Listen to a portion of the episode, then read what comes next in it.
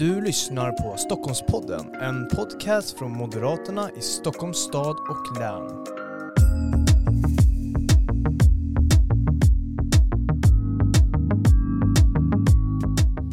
Ja, varmt välkomna till ännu ett avsnitt av Stockholmspodden. Det här är ju Moderaterna i Stockholms stad och läns podcast där vi pratar brinnande aktuella frågor men även spekulerar en del i framtiden. Och vi brukar ha med oss våra främsta företrädare. Ibland har vi med oss eh, tjänstemän och ibland har vi med oss andra aktörer från näringslivet eller andra positioner i samhället. Men idag har vi med oss två eh, politiker från Moderaterna. Det är Kristina Axén Olin. Varmt välkommen. Ja, tack så mycket. Utbildningspolitisk eh, talesperson för Moderaterna, ja. riksdagsledamot. I riksdagen. Ja. I riksdagen. Ja. och sen har vi också Parisa, du är kommunstyrelseordförande i Vallentuna. Jajamän, tack för och, att jag får vara med. Ja, varmt välkommen. Det är din första gång? Det är min första gång. Jag begår en sån här podd, eh, vad kallas det för? Debut. Debut, Poddebut, ja. ja. precis. Kiki, du har ju varit med förut så du är ju ja. revanschsugen som vanligt. Absolut. Tur att det inte är en battle för jag skulle förlora så stort. Ja precis. Nästa gång får vara en liten eh, podd-battle, rap-battle här om kanske något sakpolitiskt ämne. Men... Och det är ju ingen bild heller, det är bra. Ja, det är jättebra. Jag ser att du är jättefin och välklädd och sminkad. Jag sitter i fleecetröja ja, men... Skönt. ja, ja men precis. Men, men, men idag ska vi ju prata något mer seriöst än vad, vad vi har på oss. Vi ska ju faktiskt prata om den integrationskris som vi idag har i Sverige och, och de lösningarna som, som vi har på det. För det är ju någonting som man har jobbat med nu under två år i en sån här kallad integrationskommission som Moderaterna har tillsatt. Och där har ni båda ingått. Eh, den har letts av Ulf Kristersson och ni har ju nyligen presenterat hundra förslag för en fungerande integration eh, i Sverige. Och det ska vi eh, djupa lite i idag. Inte alla hundra förslagen utan vi ska diskutera lite kring det. Om man vill läsa de hundra förslagen så kan man läsa det på moderaterna.se. Eh, men vi som sagt ska prata den här integrationskrisen och eh, ja, var ska man börja nästan när man pratar integration? Det är ju så extremt mycket i, i själva frågan. Men jag tänker först att vi måste ju utgå från varför har vi hamnat där vi har hamnat? Jag kan väl bara börja med att säga att jag tror att vi alla konstaterar egentligen att vi har misslyckats med integration i Sverige under många år. Och att det går inte. Det är liksom förödande för alla. Vi är alla förlorare om vi inte får till en bättre integration. Mm. Jag tror att det generellt har funnits en rädsla överlag att prata om eh, skillnader. Eh, vi är så noggranna i Sverige med att, med att vi ska allt ska vara lika, människor ska behandlas lika och man får inte liksom, man ska, man ska inte särbehandla. Och jag tror nästan att, att eh, tanken om, om integration och, och problematik som kan medföra när kulturer krockar och olika tankesätt krockar, det här har vi inte riktigt velat liksom lägga vikt vid för att vi, jag tror att det har funnits en oro kring att ja, men då, då särbehandlar vi eller tänker att människor är olika. Och, och, jag tror att det är det första absolut mest naturliga är väl att konstatera att människor är olika. Mm. För vi, vi är fostrade olika och vi har olika kulturell bakgrund och vi har olika eh, socioekonomisk bakgrund som spelar roll och språklig bakgrund. Det finns otroligt mycket som man kan bryta ner som gör att vi faktiskt är olika. Och jag tror att det är liksom någonstans nu som vi har börjat erkänna att okej, okay, eh, det händer saker för att vi är olika. Kan vi prata om det? Mm. Och så ha, har det öppnat upp en, en möjlighet att faktiskt föra den här diskussionen. Men den, den har som sagt den har uteblivit under allt för lång tid och det är därför vi, vi har hamnat där vi har hamnat. Mm. Och eh, vi har ju suttit i opposition nu i, i, på nationell plan i sju år. Eh, de rödgröna har styrt i sju år. Skulle ni säga att den här frågan inte har riktigt fångats upp av, av regeringen? Har det saknats statligt ledarskap? Det har det absolut gjort. Eh, och man vill ju inte diskutera problem. Till exempel i mitt, eh, mitt kära favoritområde skolan så är det ju väldigt tydligt att man väljer ju liksom att vägra prata om det som egentligen är problemen i skolan. På samma sätt tycker jag att det är med integrationen. Eh, och det är väl i och för sig inte bara egentligen de sista åren utan jag skulle säga att det går tillbaka decennier att vi inte har pratat om integration och hur vi lyckas. Mm. Eh, och vad som händer att vi misslyckas. Utan det har nog ett antal regeringar, inklusive när vi har suttit i dem, eh, så har man inte gjort det. Mm. Vad skulle du säga Parisa? Känner du också att det saknas det här statliga ledarskapet? Absolut, det gör det på ganska många nivåer mm. och, och, i ganska många frågor. Men, men här, är det ju, här är det ju alldeles uppenbart. Och, men jag, precis som Kiki säger, det här, det här sträcker sig så långt tillbaka så att eh, Ska, man ska nog inte leta, försöka peka finger eller leta skyldiga i detta utan det är nog bara att konstatera att generellt sett så har vi överlag brustit i att se eh, eller så att säga kunna formulera problembilden allihopa och då gäller det alla partier utan det är först på senare tid som det ändå har eh, varit tillräckligt okej okay att diskutera problem kopplat till migration och integration. Mm. Och, och, och då någonstans där startar ju samtalet, där startar ju i alla fall början på en lösning, att man åtminstone kan så att säga formulera en problembild. Mm. Och ni har ju suttit med nu i den här gruppen och jobbat med integrationsfrågan, att vi ska få till en fungerande integration. Och när man lyssnar på många så skiljer sig tankarna en hel del med vad en fungerande integration är. Men, men vad skulle ni säga att det är? Ja, men, ja, jag tror att det är så enkelt som att, att eh, en, en fungerande integration det är ju när vi inte behöver prata om integration som ett problem. Mm. Då har vi fungerande integration. så det är ganska... Nej, men jag tänker det också. Jag tänker egentligen att det är väl på något sätt är väl, har väl vi haft någon typ av huvudtes i alla fall att invandring ska vara bra för Sverige. Mm. Mm. Nej, precis. Så hur då, skulle ni säga att den här vågen som kom nu 2014, var det 2014? 15. 15 ja. ja.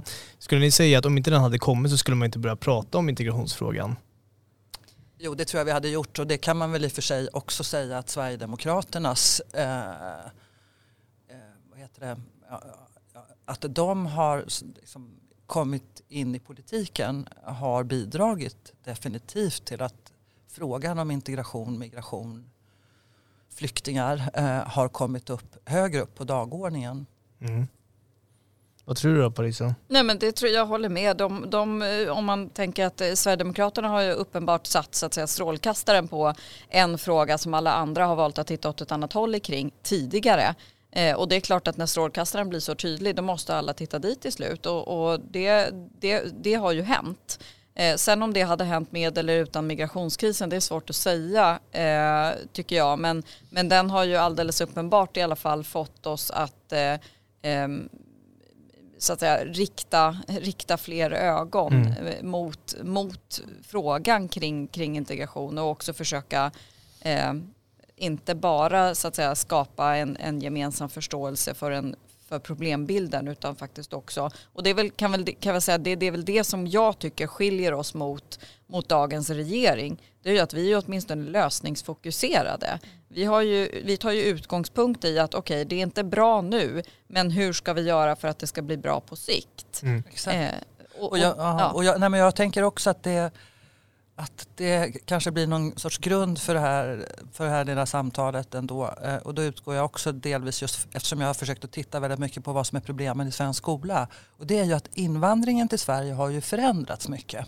Alltså den invandring som vi hade tidigare om man säger före, egentligen före 90-talet. Liksom, eh, alla vet liksom forna Jugoslavien, Finland, Iran, Irak. Alltså det har varit andra invandrare eller människor från andra kulturer och från andra länder. Där vi kanske också möjligen haft lättare att invandra och det var, liksom, eller lättare att integrera och det var inte lika många som kom samtidigt.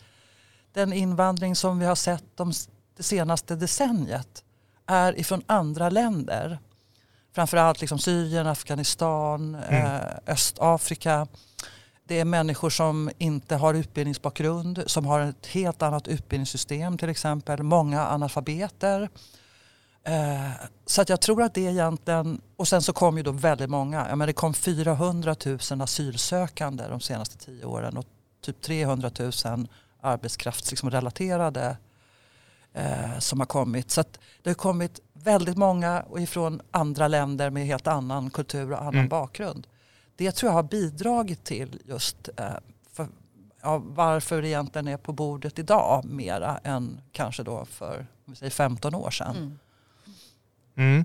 Tänker, ni har ju arbetat nu med, med lösningar, varit väldigt lösningsorienterade. Skulle ni säga att, att det är svårarbetat? Att det, eh, arbeta fram en fungerande integration? Det, det är så mycket komplexa frågor och man jobbar med människor till exempel, eh, som Kicken nämnde, med olika bakgrunder och, och, så vidare. Det finns ju inte en, en, en lösning bara kanske. Nej, nej, så tror jag att det är. Jag skulle inte säga att det är svårarbetat. Däremot så, så, så, kräver det mycket, mycket mer på grund av att vi inte har tagit tag i frågan tillräckligt mycket, tillräckligt tidigt. Jag skulle jämföra med som, alltså om man ska, eh, man får för sig att man ska renovera badrummet hemma och så tänker man att ah, men jag behöver bara byta ut lite vitvaror. Och så... Är det inte så? Nej men alltså, har du renoverat något badrum någon gång? Så vet du. Man drar bort, man drar bort badkaret och tänker att nej, men det blir bra, vi byter badkar så blir det tjusigt här inne. Och så ser man någonting lite så här och bara åh nej det där ser inte bra ut, jag måste nog knacka ner kaklet. Så klackar man ner kaklet och hittar världens fuktskada där bakom och så slutar det med att man måste riva hela badrummet.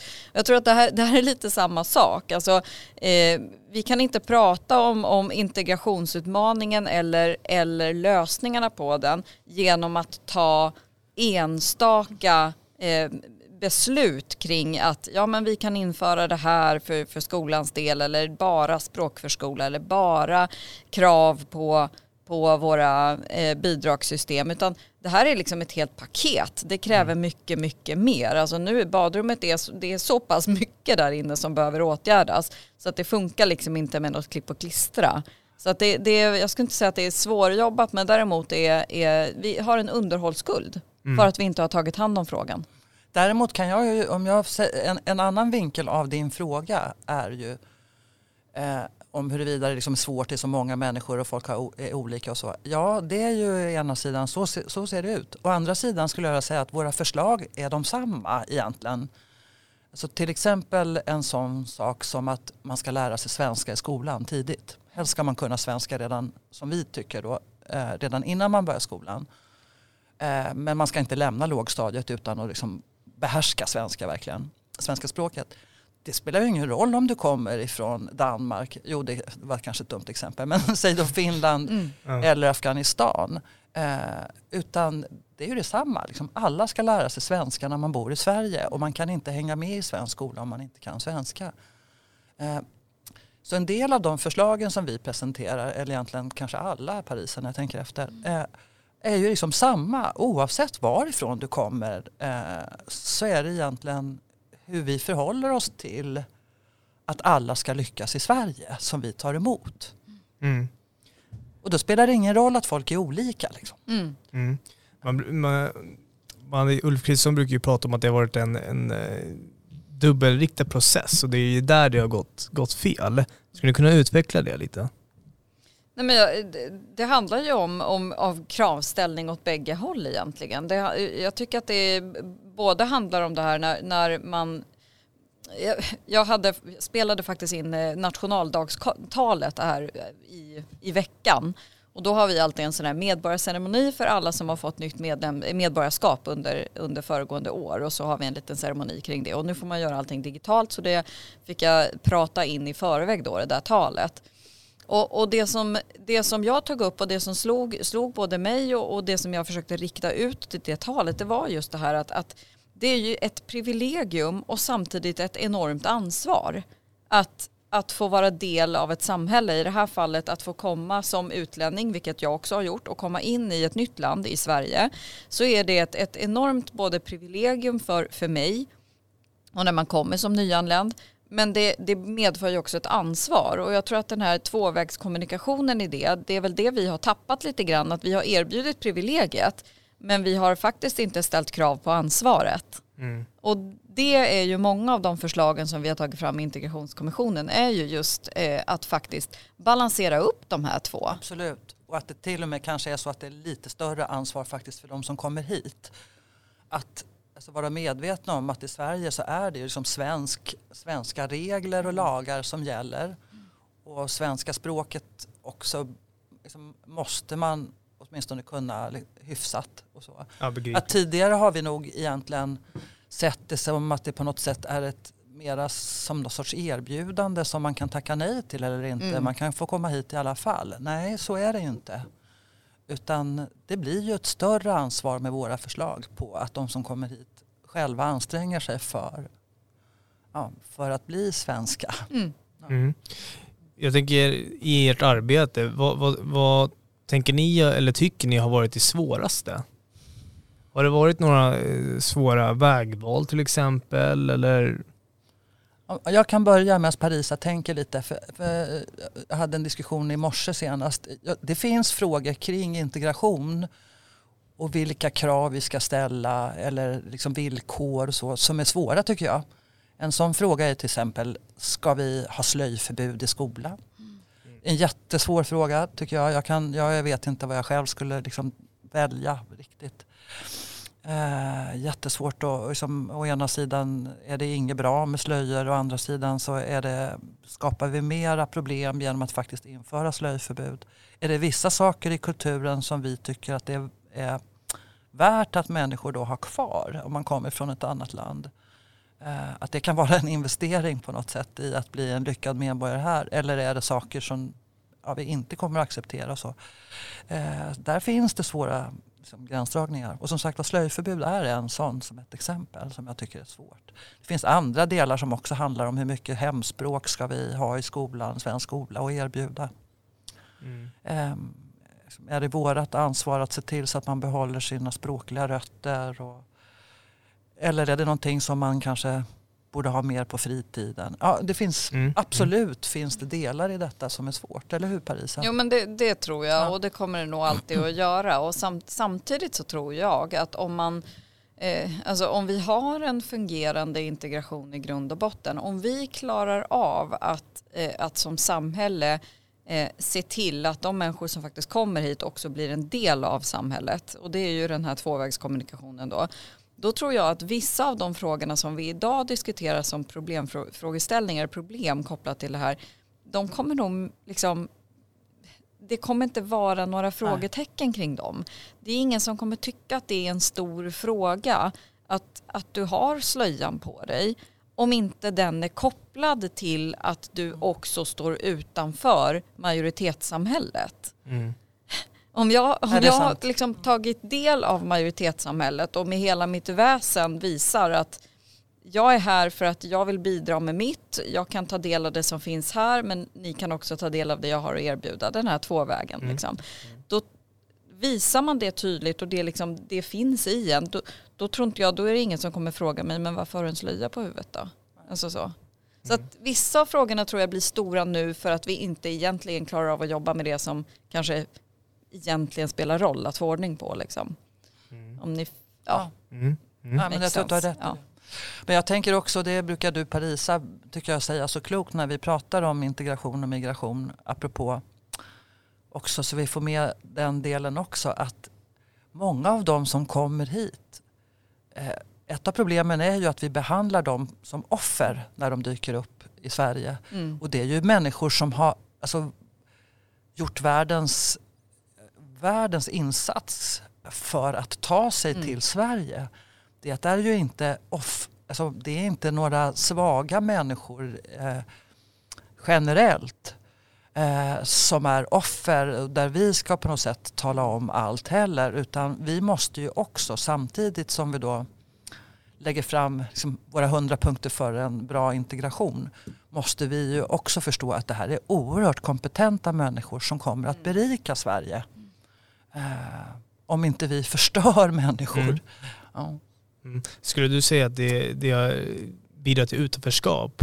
De förväntningar vi har, lite som man har jag tänker i skolan, liksom, om man har förväntningar på att någon elev kanske ska prestera sämre eller ska vara stökig så brukar det ju oftast bli så också. Definitivt. Eh, och det finns skolor i, finns skolor i Sverige eh, som har till exempel valt att inte då när vi, när vi fick alltså många flyktingar då 15 eh, som valde att stoppa in de flyktingbarnen direkt till svenska klasser. Man fick två veckors först intensivkurs i hur man frågar efter toaletten och liksom eh, god dag och hej och så. Och sen bara rätt ut i svenska klasser och som har, nu har 100% liksom betygsbehörighet och går ut grundskolan med liksom toppresultat. Eh, och det visar ju lite att om man utgår också ifrån att barn faktiskt klarar av att integreras direkt och vara mm. i svenska skolor och få svenska kompisar så så går det lysande. Det är ju när vi utgår ifrån att det är ett problem. Mm. Mm. Man brukar ju prata om ja. så här, de låga ja. förväntningarnas rasism. Exakt. Mm. Och det, det, är precis det du är inne ja. på. Just det här att det, det, handlar så mycket om vilka förväntningar vi har och var mm. vi lägger ribban. Eh, så att jag, jag, är helt med på det du säger. Jag tycker att det är väldigt mycket av eh, de misslyckanden vi kan se kopplat till, till integration. De beror ju många gånger på att, att vi också som samhälle någonstans inte har ställt kraven högre. Mm. Och vi har väldigt märklig samhällsinformation när människor kommer hit och det är ju en av de saker vi tar upp i integrationskommissionen. Detta med samhällsorienteringen. Vad informerar vi när människor liksom kommer hit och landar på Arlanda eller hur man nu kommer? Vad ger vi för liksom, information i de här första veckornas introduktion? Jo, då är vi fena på att tala om hur man får personnummer och hur man söker bidrag och hur man liksom lyckas med Försäkringskassan. Och, alltså vi ägnar hela den där samhällsinformationen åt helt fel saker. Mm. Mm. Istället borde vi ju prata om svensk kultur och svensk, svenska lagar och regler och hur man startar företag och hur man får ett jobb och, och ta reda på vad människor har för bakgrund eller för utbildning. Mm. Alltså vi gör ju ingenting av det här utan vi utgår ifrån att människor ska passiviseras och bli bidragsberoende mm. och ska stanna som det länge. Mm. Det... Där, där är det första misstaget, mm. att vi inte utgår ifrån att det här är människor som har gjort en stor strapats för att ta sig hit och faktiskt vill jobba. Just den där samhällsinformationen, hur man kan ta ut bidrag och sånt. Det kanske hänger ihop, tänker jag, då, med den här offerkoftan som man, ja, som man sätter på. Att det är synd om dem och de måste få ja. det här och det här och det här. Men jag tror att det är, alltså, någonstans så är det ändå, det, det, är nog, det är nog grundat och bottnat i någonting ganska fint. Och mm. det ska vi liksom ändå, ändå tycker jag, säga. Därför att om man tänker på vad Sverige har varit för typ av samhälle under, under liksom flera hundra år så är det ett omhändertagande samhälle. Vi har ju alltid liksom man, har, man, har liksom, man ska ta hand om sin nästa och det ligger också i den kristna kulturen att, att vi, att vi liksom är på det sättet. Och man har alltid haft en omtanke om, om de som är lite svagare, de som är äldre, de som är utsatta. Det har alltid funnits en, någon form av liksom omtanke att vi som samhälle har ett ansvar. Så att jag tror att det, det, liksom, det, det, det bottnar i någonting väldigt fint men som slår helt fel när, när eh, vi försöker liksom rent adaptivt använda ett, ett liksom kanske lite föråldrat sätt att tänka kring människor och applicera det på, på en nu, nutida samhällsstruktur, då, fun då funkar inte det. Mm. För att det är precis som Kicki var inne på, det är kapabla människor som ändå har gjort en liksom, strapats. Eh, och istället för att, för att ställa frågan så här, ja men okej, okay, eh, nu har du tagit dig hit, vart är du på väg nu? Va, va, vad ska det bli av dig nu liksom? Vad ska du bidra mm. med? Så ställer vi frågan, men gud, vad har du varit med om? Och, och, det kanske också är jätteintressant, men inte här och nu. Här och nu är det vad du kan bidra med som är intressant. Mm. Jag tänker att vi, vi ska gå in lite på förslagen och snabbt bara, men det är ju så att ni presenterar ju hundra olika förslag uppdelade i sju olika kapitel. Och det är väldigt många förslag så vi ska inte gå igenom alla nu, men jag, jag tänker bara läsa upp kapitlen och det är integrationens mål, det är minskad invandring, anpassning till det svenska samhället, bryt bostadssegregationen, från bidrag till jobb och självförsörjning, svenska språket och nya klassresor och mönsterbrytande förslag för ökad trygghet. Det är de olika kapitlen som de här hundra olika förslagen är uppdelade i och om man vill eh, läsa dem så finns det på moderaterna.se. Men jag tänker att vi ska gå in på de här som ni kallar de tre S då, då som är sysselsättning, språk och sammanhang. För enligt mig så ingår ju nästan alla de här i de, i kapit i de här sju kapitlen. Eh, så jag tänker att sysselsättning, om vi ska utveckla lite kring det. Vem som får plocka bollen? Ja, ska jag börja då? Jag, jag tänker att det är, de här tre är ju nyckelbegrepp egentligen. Det är nyckelbegrepp som, som borde in, alltså de är ju så inbakade i allt som eh, måste till för att en fungerande integration ska, för att vi ska kunna se en fungerande integration egentligen. Men, men vad gäller sysselsättning så är det ju, det är ju alldeles uppenbart att, att eh, vi som moderater tror ju på den enskilda människan. Vi tror ju på individen, vi tror på att individen har en enorm kraft och en enorm förmåga i sig själv. Och vad gäller sysselsättning så handlar det ju om att, att eh, också se till att den förmågan och den kraften omhändertas och att mm. individen får en möjlighet att, att stå på egna ben och, och få försörja sig själv och för, försörja det sina och också vara med och bidra till, till samhället. Och det tror jag vi allihopa mår bra av. Jag pratar faktiskt eh, pratade faktiskt med en, eh, en entreprenör, en företagare i, i min hemkommun Vallentuna för, eh, i förra veckan som beskrev just det här. Han har också haft ett arbete och tagit emot då människor till sitt företag och sett skillnaden på när de har fått växa och när de har fått då möjligheten att, att komma till jobbet varje dag och vad som händer både integrationsmässigt men kanske också framförallt för, en, för det egna självförtroendet. Mm. Eh, att men här kan jag vara med och här kan jag vara med och både skapa någonting och bidra med någonting eh, som gynnar både mig själv och helheten. Mm. Så sysselsättningen är så enormt viktig i detta. Mm. Jag delar Parisas eh, inledning där och det är ju därför är ju en del av förslagen handlar ju om att helt enkelt ändra bidragssystemet som, så att det lönar sig att arbeta. Mm. Otroligt viktigt. Eh, så är det ju inte idag utan idag har vi nästlat in oss i ett bidragssystem i Sverige som omöjliggör egentligen att människor kan alltså man förlorar så ohyggligt mycket pengar på att börja arbeta så att det, det är väldigt svårt. Det är helt orimligt. Ja, eh, och det är svårt för dem. Man kanske försatt sig i på något sätt en utgiftsnivå som är omöjlig eh, att klara av utan bidrag. Så därför är ju att ändra bidragssystemet är ju en del. Mm. En kanske viktigaste delen vid sidan om svenska språket. Ja. Om vi ska gå in på språket då, då Kiki? Ja. ja. men det är ju, eh, och där tror jag också vi tidigare Alltså vi är ju som sagt var ett litet land på en ganska apart del i världen förvisso och förmodligen ett rätt svårt språk också. Eh, och jag tror att vi tidigare har därför på något sätt nedvärderat kanske själva hur, hur viktigt det är med språket och så har vi tyckt att det inte spelar så stor roll. Eh, men det gör ju det, alltså för det här med att komma in i samhället. Man behöver inte kunna flytande svenska och det behöver absolut inte vara rätt grammatiskt. Men man måste på något sätt klara det här vanliga sociala och förstå i Sverige. Eh, grundläggande svenska. Så därför eh, tror jag att vi måste tänka om även där och förstå att det svenska språket måste man lära sig om man vill stanna och bo här permanent. Hyfsat. Men som sagt var, det är inte frågan om det var någon perfekt. Men man begriplig, kunna, ja, begriplig svenska. Ja, man kan inte leva här heller och vara beroende av att ha tolk överallt. Alltså det går inte, man måste kunna gå in i en, i en affär och man måste kunna prata mm. med folk. Andra föräldrar på förskolan eller vad det är för någonting och, göra, liksom, och förstå. Eller som nu när coronapandemin bröt ut så måste ju man förstå informationen som vi mm. i Sverige försöker ge. Uh, mm. Jag tänker, vi, vi, språket är jätteviktigt och båda ni har ju en bakgrund inom skolan.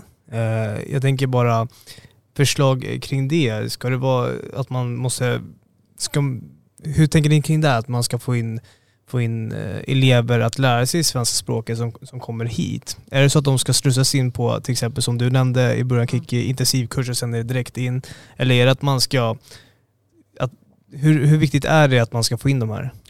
Så vi har ju vårt förslag om en språkförskola.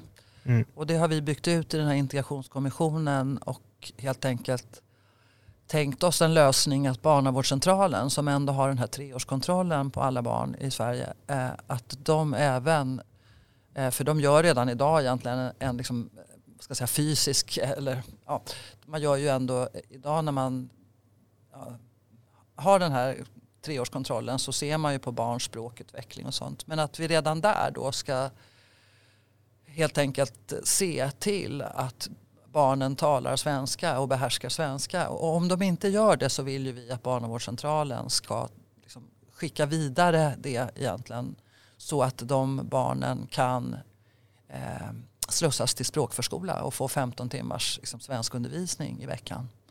Mm. För att vi tror ju att det så, och dessutom är barn mycket lätt, barn har ju lättare för att lära sig språk också. Men att just att så tidigt som möjligt lära sig svenska så att man helst redan kan det flytande när man börjar skolan. Därför att vi, som det är idag att vi har generationer som lever och bor i Sverige år ut och år in utan att lära sig svenska alls. Mm. Eh, det går inte. Nej, det gör det inte. Det, det är ju helt vansinnigt faktiskt. Ja. Och det, det, man, det man lite grann glömmer bort också tycker jag, det är att barn är så vansinnigt adaptiva. Exakt. Alltså det, det, det, finns nog inga varelser på denna jord som är så otroligt liksom adaptiva som barn faktiskt är. De finner sig ju i nästan vilken situation som helst. Då är det så här, ja ja, då, är vi, då gör vi det här nu. Liksom. Mm. Eh, och, och jag tror att man ska ta tillvara på det när det gäller just barnen. Och, och det kopplat till, alltså kan man ju titta på sko, vad skolforskning säger, alltså hur, hur blir man framgångsrik i skolan? Jo, det är när, när eh, lärare, pedagoger, rektorerna alla börjar ställa höga krav. Och då kopplat till det som vi pratade om tidigare med de liksom låga förväntningarnas rasism, det är ju det är återigen att vi, vi, vi lägger ribban för lågt. De här ungarna kommer klara det här alldeles utmärkt, men de måste få rätt krav på sig. Vi måste tala om att så här är det och då kommer de att finna sig i det. Just när det gäller barnen. För barn fixar det. Jag, jag ser ju bara på mina egna ungar, de är ju liksom 9, 7 och, och 3 nu. Eh, och och eh, min sjuåring kommer och pratar hela meningar i engelska. Jag har aldrig lärt henne engelska. Hon pratar inte engelska i skolan. Var får hon det ifrån? Jo men hon sitter och kollar på YouTube-klipp. Liksom. Mm. Och där har hon plockat upp ett helt nytt språk. Det är självklart att om vi börjar ställa krav på invandrade barn att de ska lära sig svenska i tidig ålder så kommer de att göra det. Mm. Jag tänker det sista S är ju sammanhang. Eh. Och det skapas ju. Alltså det skapas ju av de här som vi redan har varit inne på. Språket skapar sammanhang.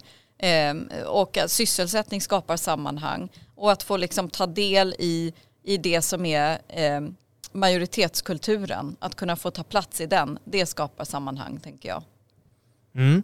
Vi ska alldeles strax runda av ett, en annan grej man skulle vilja beröra när vi pratar integration, det är ju det här med föräldraansvar också. Eh, men det hinner vi inte den här gången, för jag ser på Kiki att hon måste iväg. Men det kommer ju fler... Ja, men du ställde frågan så... Ja, jag, jag ställde tar frågan. Den lite kort. Vi tar den lite kort, okej. Okay. Ja. Det är bra. Nej men föräldraansvaret, det är väl lite som vi sa från början. Man, så det här är kompetenta människor som kommer till Sverige. Eh, och alltså, alla föräldrar älskar sina barn. Skulle jag vilja påstå i alla fall.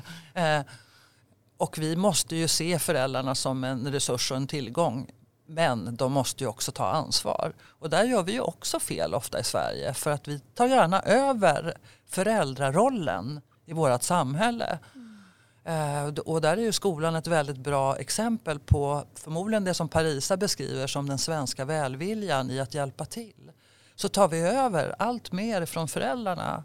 Eh, jag menar, vi ska i ett antal skolor ha börjat servera frukost frukost och mm. vi liksom stoppar in mer och mer i skolan och tycker att det är skolan som ska lösa alla problem. Och, mm. Vare sig de är privata eller har med skolarbetet att göra. Så. Och där måste vi nog också tänka om och förstå att vi måste utgå ifrån att föräldrarna faktiskt kan ta ansvar och till och med kräva att de gör det också. Eh, för i annat fall så pacificerar vi ju föräldrar och och gör, gör oss själva en björntjänst i att till slut tar ingen ansvar eh, för vad som händer. Det tror jag är otroligt viktigt. Mm. Delar du det Parisa? Absolut och sen tror jag också att det är sådär att, att rent kulturellt så tror jag att vi kan lära av varandras kulturer och här är väl om man, om, om man pratar om den här dubbelriktade processen att, att eh, precis på samma sätt som vi ska ställa krav men måste vi också kunna öppna upp Eh, så det måste också vara tillgängligt att bli en, en del av, av sammanhanget och samhället här. Eh, och det gör vi genom att ställa krav men det gör vi faktiskt också genom att vi, vi behöver också vara mer öppna som, som samhälle. Allting annorlunda kan inte vara konstigt. Och bara kopplat till då skolan så tycker jag att det är så spännande med just det här när man ser de här eh, mammorna ute i Alby till exempel mm. som är ute och nattvandrar. Jag vet att nattvandrarna i, i min kommun pratar jätteofta om det att varför är vi inte fler? Och nu är ju vi en ganska homogen kommun. Vi har inte lika stor variation i, i kulturell bakgrund som det finns i Alby. Och där ser man ju, de mammorna är ute, de tar det ansvaret. Varför gör man inte det på hemmaplan hos oss? Så att där tänker jag, där har vi ju någonting att lära av varandra. Där kan vi ju liksom korsbefrukta våra kulturer mm. och samhällen på ett, på ett positivt sätt. Så att vi måste klara av att lyfta de grejerna också, inte bara när vi så att säga ska, ska se till att man att man faktiskt fungerar inom den svenska normen. Utan vi måste också klara av att öppna upp och ta del av det där, där den svenska normen faktiskt också kan lära av någonting annat. Mm, mm. Det sätter punkt för, för det här poddavsnittet. Eh, stort tack eh, Kristina Axén Olin och eh, Parisa Liljestrand för att ni kom till Stockholmspodden för att prata om den nationella ödesfrågan kan man ju säga, integrationskrisen som vi kommer prata ännu mer om desto närmare valet vi kommer.